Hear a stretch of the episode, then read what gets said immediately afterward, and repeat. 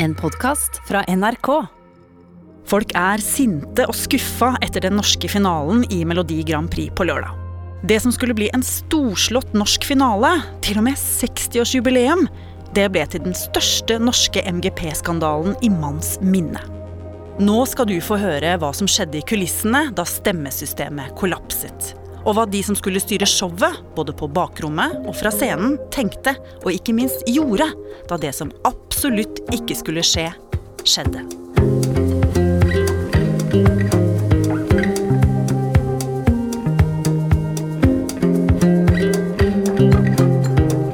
Du hører på Oppdatert. Jeg heter Ragna Nordenborg. Vi visste at vi hadde tidenes Melodi Grand Prix. Vi hadde den sterkeste musikalske lineupen. Uh, vi hadde en arena som var i verdensklasse, som ga oss et visuelt uttrykk som Melodi Grand Prix aldri hadde hatt før. Så det var en enorm forventning til at dette her skulle bli helt fantastisk uh, liveshow. Eirik Sandberg Ingstad er redaksjonssjef i NRK Underholdning, og den som har ansvaret for at alt går som det skal under MGP-sendingene.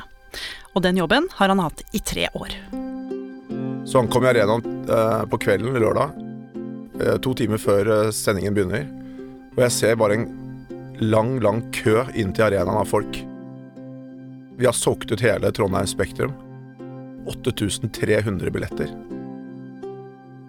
Så la jeg merke til én ting som sitter igjen, et inntrykk. Det kom en dame i en rullestol på glattisen, litt humpende innover mot arenaen.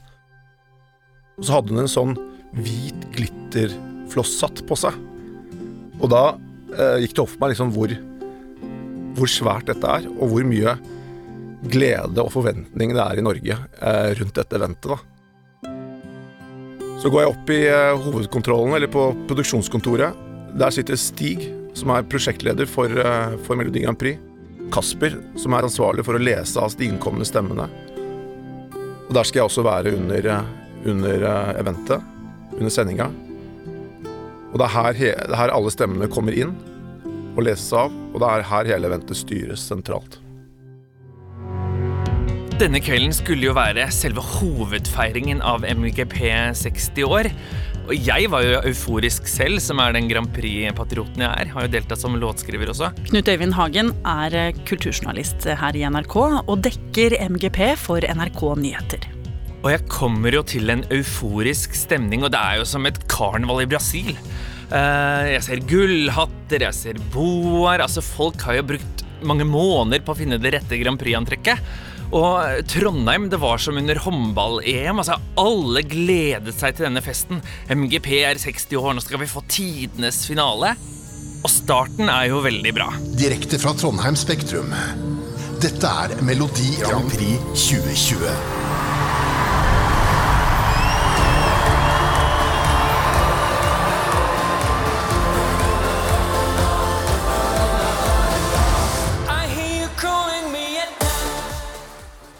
åpningsnummer med Keiino smeller eh, i gang hele eventet. Og det er 8300 elleville trøndere og MGP-fans i arenaen.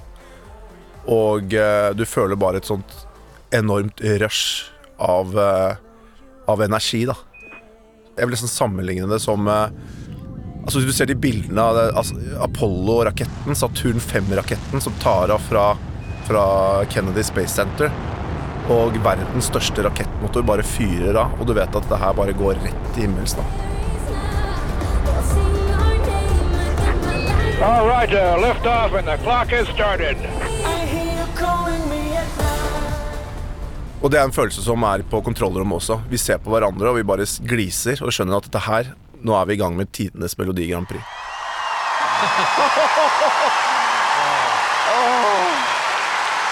Trondheim Spektrum skal vi bare kjøre i gang tidenes beste norske MGP-finale! Og så begynner selve actene eh, å spille. Eh, og da skal vi jo sette i gang dette datasystemet som vi har testet gjennom fem uker. NRK har arrangert MGP-finale i veldig mange år. Og etter at mobiltelefonen ble vanlig, har folk stemt fram den norske vinneren på SMS. Men i år var det noe nytt. I år er det ikke mulig å stemme via SMS. I år kan du kun levere stemme på nrk.no, enten på mobilen din eller på en eh, PC. Så folk måtte inn på NRKs nettsider og registrere seg. Som brukere for å avgi stemme. Men det var også noe mer. Hvis du logger deg inn på nrk.no og blir med akkurat nå, så kan du mens artistene står på scenen, fyre av gårde emojis for å heie på dem. Hjerter om du elsker det, tommel opp hvis du syns det er bra, eller litt avventende fjes som skal prøve å lage det. Avventende fjes. Hvis du er litt sånn usikker. Jeg husker jeg så på Kasper eh, under den første låta, og det var Ray Lee sin låt. Bare for å få en sånn indikasjon på ansiktet hans, på å se hvor mye, hvor mye engasjement var det vi fikk inn. Og så så jeg bare at øynene hans ble bare Det ble bare større og større. Da skjønte vi at det var ikke bare en bølge av engasjement. Det var en tsunami, en vegg av emojis som traff systemet vårt. Jeg husker, jeg husker, tall som fem, seks, ti millioner. Totalt 20 millioner, 30 millioner. Det bare, det bare strømmer og strømmer på, da. Det bare bidro til at den euforiske følelsen bare steg enda mer, da.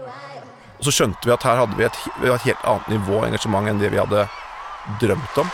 Tusen takk til Ray Lee, som altså var førstemann ut i dag. Og mens hun framførte låta si, så har du hatt muligheten til å fyre av emojis for å heie på den på nrk.no. Og over tre millioner emojis har blitt sendt. Så skulle det vise seg at det var også et uh, mye større nivå av engasjementet enn det serverne skulle takle. da. Og det sitter noen i Oslo og monitorerer disse serverne, eh, og eh, sender oss de første bekymringsmeldingene. Som sier at det systemet for å innhente emoji-tall, at det begynner å gå treigere og treigere. Og for nøyaktig ti år og ni dager siden da Og da treffer vi en beslutning om at vi skal stenge ned emoji-funksjonen for å gjøre unna den trafikkøen som har dannet seg i systemet. Men på det tidspunktet så var da altså systemet helt nede. Og da eh, visste vi, var veldig uklart på om dette her noensinne kom til å komme opp eh, igjen. Og da forberedte vi oss på det verst tenkelige. Marerittet for alle som driver med live storeventproduksjon. Vi måtte planlegge for en total teknisk kollaps. Og når i showet er det dette skjer? Jeg tror det var rundt uh, acten til eh, Tone Damli Aaberge.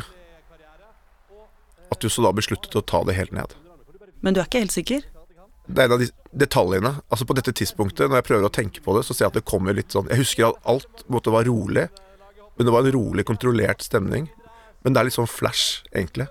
Og for å være helt ærlig, så har jeg ikke orket å se på sendinga igjen. Ok, så dere jobber iskaldt og rolig eh, med å finne løsninger på kontrollrommet. Men sendinga går, dette er jo en livesending hele Norge sitter og ser på.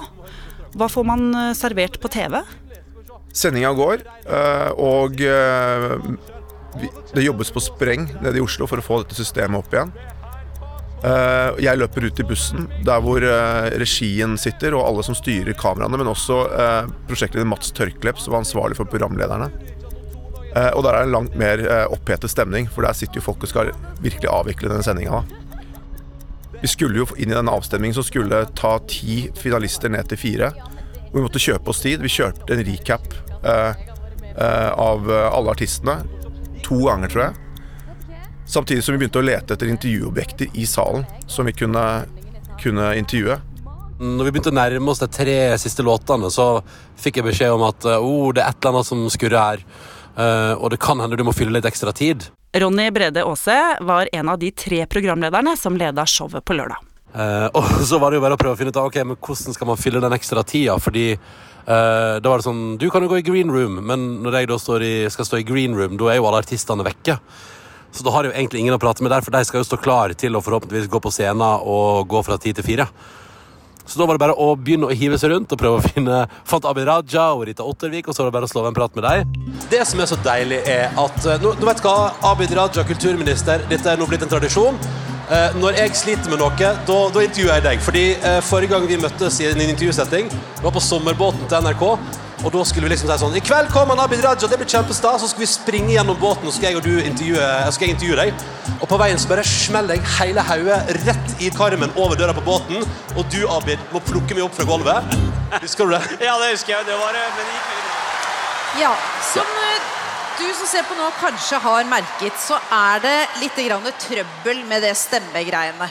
Så husker jeg også Ingrid og Kåre Magnus på scenen begynner med et programlederstikk, improvisert programlederstikk, om at ikke liker internett og vil helst bruke brevskier Og, og på en eller annen absurd måte så bare Så bare Jeg tror vi begynte å le, alle sammen. At det var en sånn helt absurd følelse. da. Det er sånn at eh, internett har ikke kommet helt i mål. Vi er i 2020. Og det har jeg visst ganske lenge, for Ja. jeg er veldig svak for brevgiro. Og du Ja. er jo veldig skeptisk til internett sånn generelt. Jeg var så uendelig glad for at vi hadde Altså vi hadde kanskje Norges tre mest rutinerte liveprogramledere. De tre imellom har flere tusen timer med liveerfaring. Så tenkte jeg at dette her er i hvert fall noe vi kan lene oss på. Og så håpet vi bare at dette skulle komme, komme på stell igjen, da.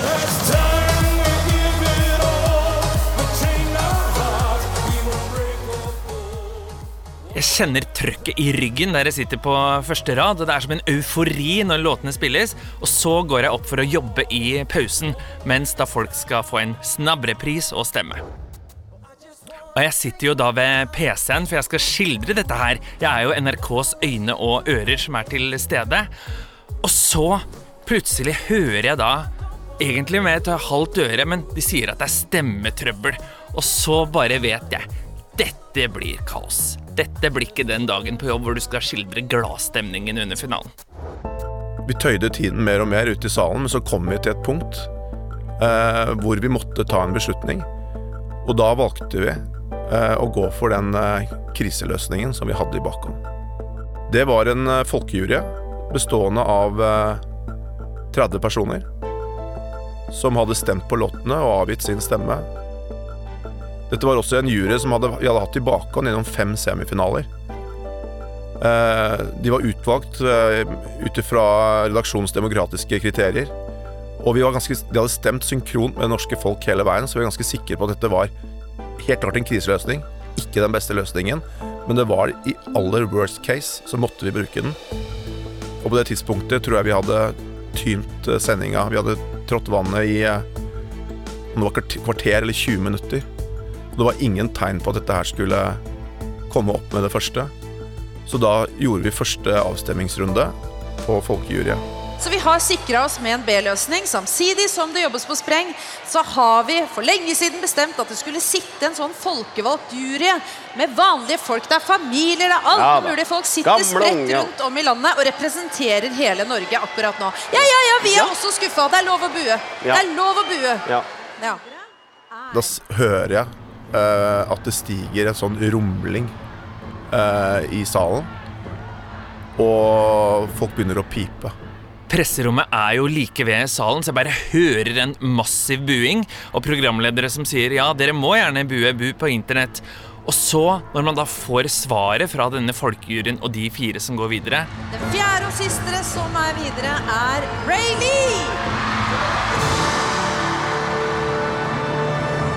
så blir det enda mer drama når Rein Alexander ikke er blant de fire, fordi det har vært et publikumsbrøl under den låten. Den derre vikinghymnen har bare slått big time an. Og jeg som har vært på mange Grand Prix-finaler, vet jo det at publikumsbrølet representerer i stor grad hva folk eh, kjenner i stuene. Jeg ser noen reiser seg fra setene og tenker her er det folk som kommer til å gå. Så jeg bare springer mot utgangen, for jeg vil ha de reaksjonene. Og flere av dem sier jo at de har heid på nettopp Rein Alexander. Det her er skandale, altså. Jeg er veldig veldig sjelden sur, sur, og i hvert fall ikke når jeg er Grand Prix. Men nå er jeg skikkelig sur. Jeg klarer ikke å engasjere meg. Jeg klarer ikke å synes dette her er noe gøy lenger. Ok, så fire artister har gått videre, og de skal bli til to. Og igjen skal altså dette stemmesystemet testes. Etter at uh, vi hadde avgjort første stemmerunde, så eh, var det en liten sånn utløsning av spenningen. For nå visste jeg at nå hadde vi litt mer tid, for nå skulle vi ha et pausenummer som, eh, som eh, tok liksom en god håndfull minutter. da. Men det som skjer ganske raskt inn i pausenummeret, er at vi ser at serveren er oppe og står igjen. Men nå, dere, er stemmesystemet vårt oppe og går! Halleluja! Halleluja! Så nå, herifra ut, er det hele Norge og hele folket som bestemmer hvordan dette her Ja. Og den lettelsen vi følte på da, var altså helt enorm. For nå visste vi at Norge skulle få velge sin representant i Eurovision i Rotterdam. Åh, sarpejenta Ulrikke har fått 102 000 stemmer! Og vi har en vinner! Ulrikke Bronseth er vinneren av Melodi Grand Prix 2020!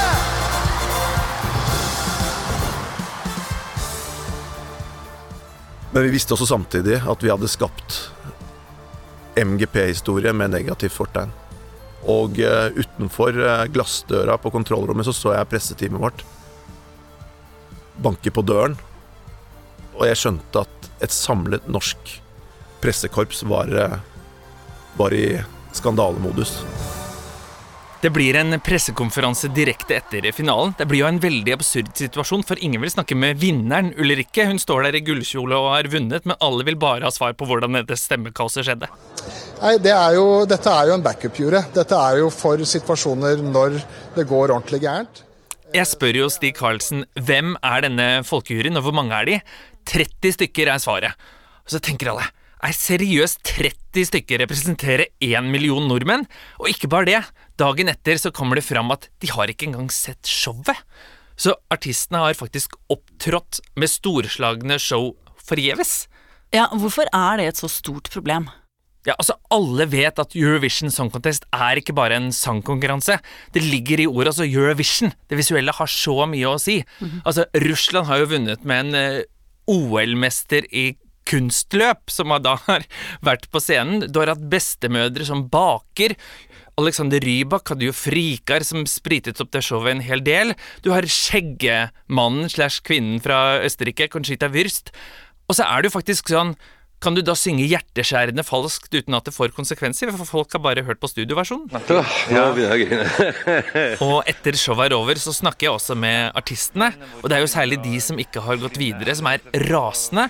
For de tenker ja, så det jeg har brukt mange måneder på, hadde ingenting å si. I dag. Eh, Jeg fikk ikke muligheten til å tape engang. Dette er stemmen til Rein Alexander. En helt surrealistisk opplevelse. Ja, ja. Og vi har liksom møtt flere av artistene her ute. Tone, Emil og Didrik. Eh, alle kommer bort, og vi står og klemmer på hverandre og tenker ja ja, ok. Men Ulrikke er en verdig vinner. Nå må vi la hennes gullmedalje forsvinne. Men manageren til Tone Damli, David Eriksen, er ikke like forsonende. Det at noen skal sitte og høre på Spotify og vurdere det som man legger så mye arbeid i, syns jeg er uhørt. Nå vurderer han å kreve penger av NRK. For meg som et lite plateselskap var det en stor økonomisk kost. Og den mener jeg vi bør kompenseres for. Jeg mener faktisk at NRK bør tilby det. Eh, Så det er jo bare å beklage at vi var der i dag. Eh, Det vi ser er jo at vi sitter igjen nå med en vinner som har vært storfavoritt eh, hele veien. Eh, Så det at vi har en verdig vinner, det, det er jeg helt sikker på. Og her hører vi Stig Karlsen, prosjektleder i MGP, snakke med presten ganske umiddelbart etter at showet er slutt. Og dagen etter gjentar Stig Karlsen at Ulrikke er den riktige vinneren. Eirik, hvordan kan han være så sikker på det uten å vite nøyaktig hva som har skjedd? Altså Selv i dag så leter dere jo etter flere svar. Vi fikk inn et høyt volum stemmer i, eh, i de avgjørende stemmerundene.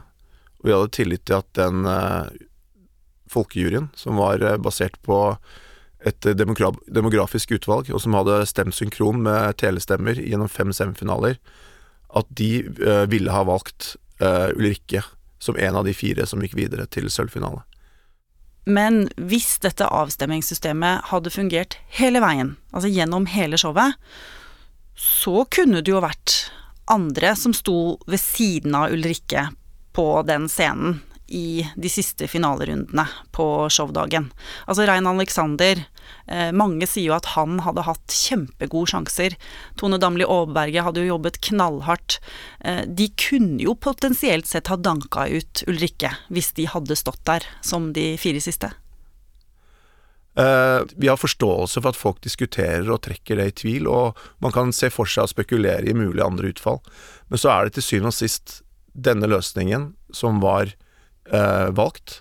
Og denne løsningen var alle innforstått med, og alle visste at dette var denne løsningen vi måtte ty til i tilfelle det aller verst tenkelige skulle skje. Men det, er jo også en del av disse artistene, annet Rein Alexander, som er opprørt fordi denne folkejuryen ikke fikk sett showet. Altså, de vurderte lydfilene. Og han mener jo at Grand Prix, er det noe som er Grand Prix, så er det jo sceneshow og kostymer. Eh, hva har du å si til den kritikken? Nei, Vi er helt tydelige på at vi syns ikke en kriseløsning er en fullgod løsning. Eh, og vurderingene her har vært at eh, som en låtskriverkonkurranse, så, så, så er det låta som til syvende og sist skal bedømmes, hvis det aller verst tenkelige inntreffer. Dette er selvfølgelig noe vi revurderer og tar med oss de reaksjonene som har kommet, eh, når vi skal rigge til, eh, til eh, Melodi Grand Prix i 2021. Eirik, det har kommet 750 klager inn til Kringkastingsrådet. Det har vært massiv kritikk av NRK fra artister, og ikke minst folk som er veldig glad i Melodi Grand Prix, som føler seg snytt. Og du sitter jo med ansvaret. Har du følt at det er din feil, dette her? Jeg har ansvaret for innhold og gjennomføring av Melodi Grand Prix, så selvfølgelig føler jeg på ansvaret. Eh, Og det er helt klart at vi kunne gjort mer for å fått et større eller mer oversikt over risikobildet rundt den tekniske løsningen, eh, og hatt flere nivåer av backup. Så det kjenner jeg selvfølgelig på ansvaret for, eller det har jeg ansvaret for. Så kan jeg si at jeg har også ansvaret for å få dette gjennomført eh, på en bedre måte neste år.